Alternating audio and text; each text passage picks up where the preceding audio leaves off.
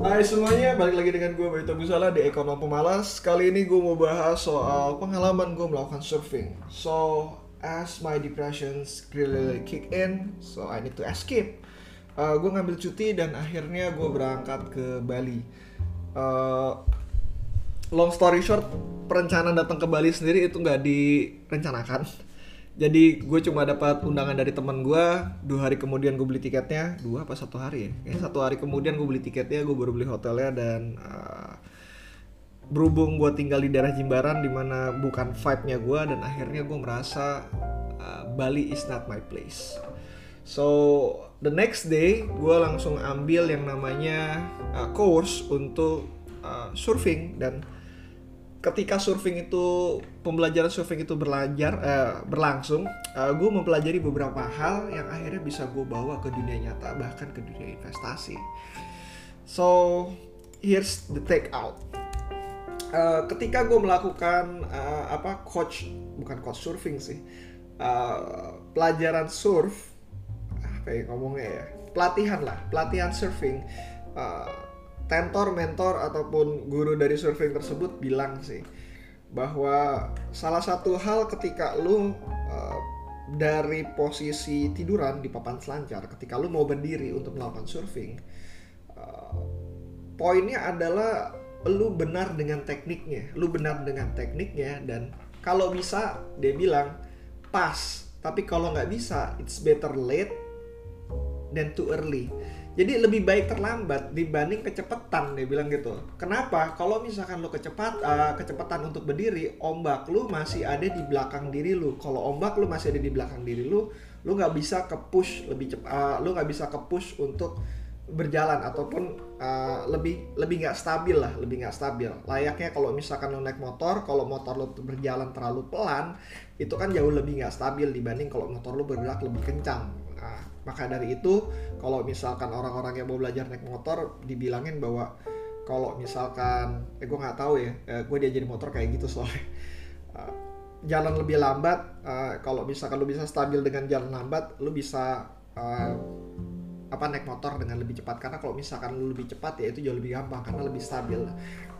Sama halnya dengan surfing lu butuh momentum di mana momentum tersebut uh, kalau bisa jangan di belakang tapi berada di depan lu. Kalau bisa berada di depan lu kalau misalkan lu telat nggak apa-apa. Tapi uh, at least lu bisa dapat wave-nya dibanding kalau misalkan lu terlalu cepat gitu. Nah, uh, key point ini sebenarnya gue bawa ke beberapa hal yang ada di kehidupan nyata sama termasuk dari investasi gue dan kebanyakan dari investasi yang gue yang gagal adalah karena gue mengambil keputusan lebih cepat dibanding seharusnya uh, FOMO atau fear of missing out itu menjadi nyata ketika gue lagi pengen ngambil beberapa jenis saham. Uh, dan kejadian di tahun lalu uh, tahun ini kejadiannya uh, baru Januari ya lebih sedikit karena akhirnya gue berhasil untuk menahan diri dan gue ngerasa bahwa dengan menahan diri resiko gue jauh lebih rendah. Sama halnya kayak surfing kalau misalkan lu uh, apa terlalu cepat resiko lu tuh bakal lebih tinggi karena lu bisa jatuh dan lu kegulung ombak. Kalau misalkan lu jatuh dan kegulung ombak nah artinya lu mesti survival mode. Uh, beda halnya kalau misalkan lu uh, apa terlalu lambat atau wave-nya udah di wave-nya udah lewat sehingga lu bisa cuma mendapatkan lebih sedikit wave dibanding seharusnya karena lu nggak tepat. Uh, setidaknya wave-nya tersebut sudah berada di depan ataupun berada di atas lo sehingga ketika lo jatuh lo nggak kegulung ombak gitu. Nah di sini gue ngerasa bahwa uh, banyak banget apa ya banyak banget hal yang kejadian di dunia nyata yang sebenarnya bisa diterapkan dengan metode ini lebih baik terlambat tapi tepat ya inget ya terlambat bukan dalam artian konteks bahwa lu benar-benar telat mengambil keputusan dan segala macam tapi lebih baik terlambat uh, meng, uh, mengambil keputusan tapi step lu sudah jelas dan lu sudah melakukan checklist punya lu dan akhirnya lu bisa mengambil keputusan tersebut dengan lebih cermat lagi dibandingkan dengan lu mengambil keputusan terlalu cepat sehingga mengambil resiko yang jauh lebih banyak.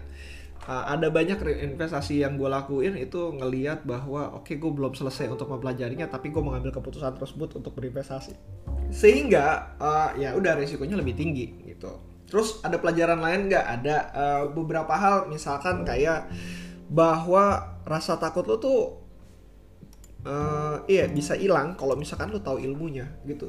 Gue punya semacam kayak fobia ya bukan fobia sih rasa takut terhadap laut. Karena ya lu bayangin deh kalau misalkan lu ngelihat the sky is limit lu bisa ngelihat langitnya itu sendiri. Bahwa oh langit sebesar itu setinggi itu dan segala macam walaupun lu nggak bisa ngeraihnya tapi at least lu bisa ngelihat.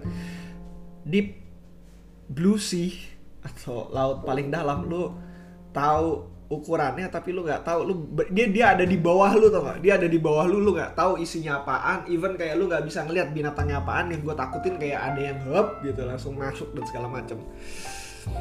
Uh, apa ya?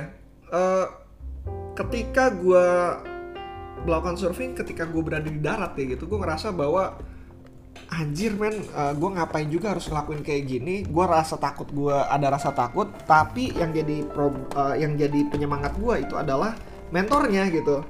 Uh, mentornya bener-bener membantu banget untuk mengalah, uh, mengalahkan rasa takut tersebut. Sebenarnya nggak uh, nggak seperti itu karena gue trust terhadap mentornya uh, gue trust terhadap gurunya akhirnya gue jalan uh, menjalani apa yang dia omongin aja gitu uh, eh, gue benar-benar nggak tahu ilmunya sama sekali untuk menaklukkan laut. Dan dia cuma bisa bilang bahwa uh, laut itu benar-benar uh, real banget kejamnya seperti apa.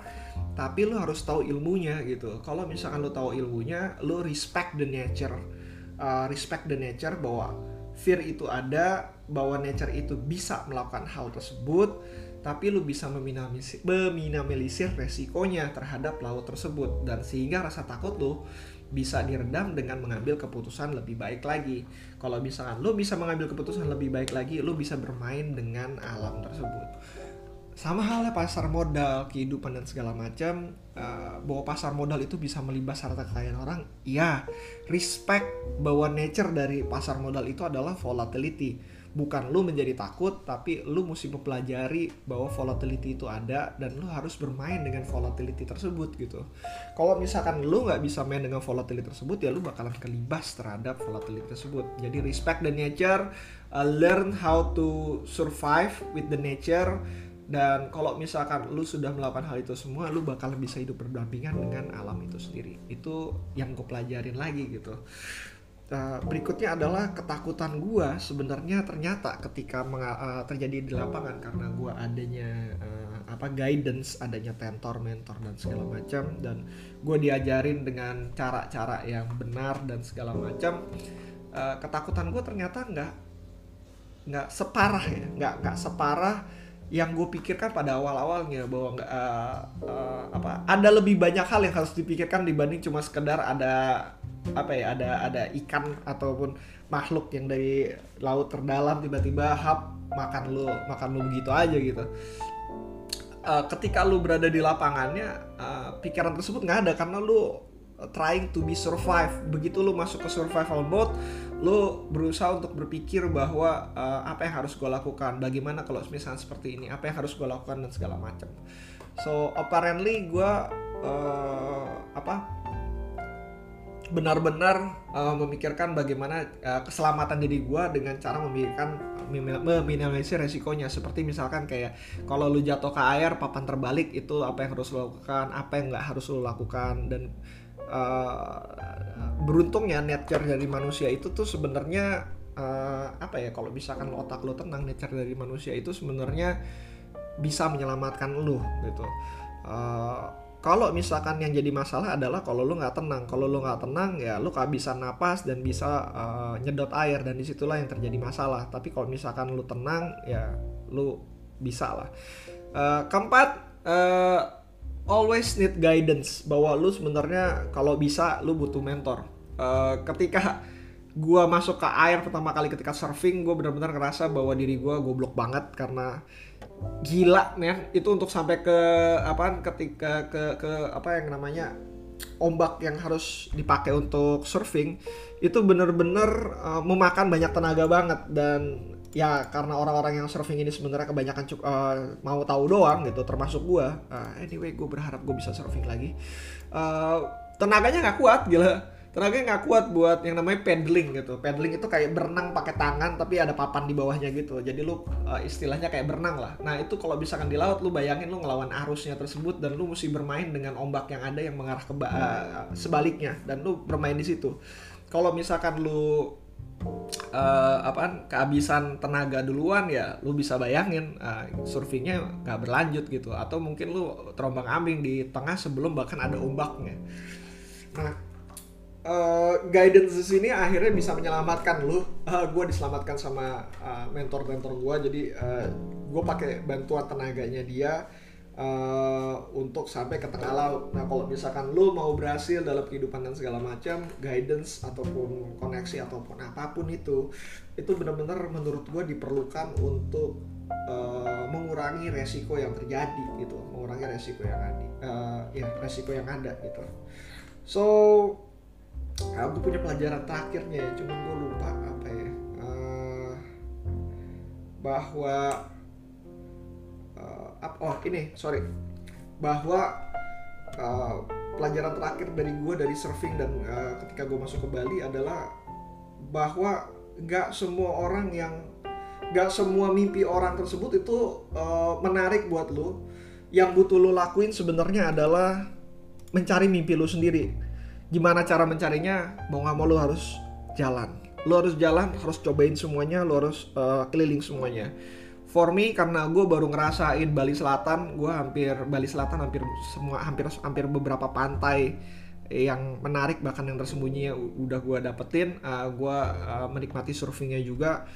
Gue menikmati calmnya juga akan tapi gue butuh sedikit vibe yang lebih ke arah uh, gue nggak tahu juga vibe seperti apa juga yang pengen gue gue dapetin. Tapi menurut gue Jimbaran dan Bali Selatan uh, not for me uh, so what next? Ya lo harus jalan. Even even ketika keputusan lu paling buruk uh, contoh ya maksud gue gue menurut gue kayak keputusan gue untuk tinggal di Jimbaran itu adalah hal yang buruk karena gue gak suka dengan Jimbaran. Tapi gue dapat coach surfing apa dapat uh, coach surfing lagi. Uh, pelatihan surfing ya gitu. Gue dapat pelatihan surfing yang menurut gue worth it banget dan menurut gue di antara keputusan terburuk tersebut lu bisa mengambil keputusan yang baik dan menurut gue bakalan menjadi lebih uh, apa ya hidup lu masih jauh lebih worth it dibanding lo ngambil keputusan buruk dan lu nggak diem diem untuk selamanya gitu. Lu ngambil sebuah saham buruk terus akhirnya lu diem dengan saham tersebut. Lu nggak ngelakuin apa pun gitu. Kalau misalkan lu ngelihat uh, kalau misalkan lu jalan ya udahlah gitu. Lu bisa uh, mendapatkan apa yang lu pengen lu inginkan. At least at least lu mengarah ke arah yang uh, menurut gua jauh lebih baik ketika lu diam. So when you are in depressed, when you are in stress, or anything else, uh, atau lo nggak tahu mau jalan ke mana dan segala macam, uh, gue cuma inget uh, nyokapnya teman gue berkata bahwa di di saat lo sedang kesusahan, yang lo perlu lakukan hanya berjalan. Karena kalau lo nggak jalan, lo akan berada di kesusahan tersebut. Lo ibaratkan kesusahan tersebut adalah ketika lo berjalan dan di bawah lo ada mata pisau. Dan kalau misalkan lu diam di sana lu bakalan tetap keiris dengan mata pisau tersebut. Yang perlu lu lakukan adalah dengan kondisi yang sakit tersebut lu berjalan.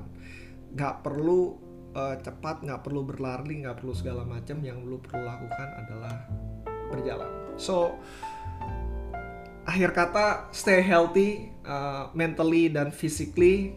Uh, see you again next time. Kalau ada pertanyaan di bayutabusala@gmail.com atau at bayutabusala uh, Instagram gue sorry Instagram gue @bayutabusala. Langsung aja wa eh, WhatsApp lagi langsung aja kirim pertanyaan. Kalau ada waktu gue akan balas. Kalau nggak ada waktu gue akan kasih tahu sama kalian bahwa gue mau balas kapan. So I'm looking forward for this. Uh, bye